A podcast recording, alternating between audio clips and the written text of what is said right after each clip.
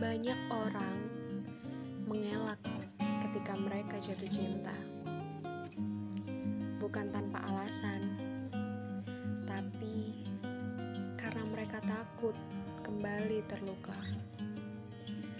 Beberapa orang bahkan tidak ingin membuka hati kembali, bukan karena tidak mau, tapi karena belum siap kecewa.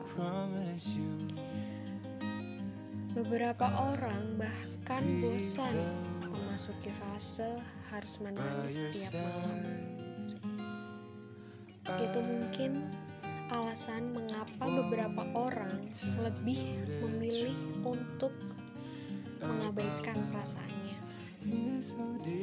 Padahal kenyataannya mereka jatuh cinta. Padahal kenyataannya mereka mencintainya.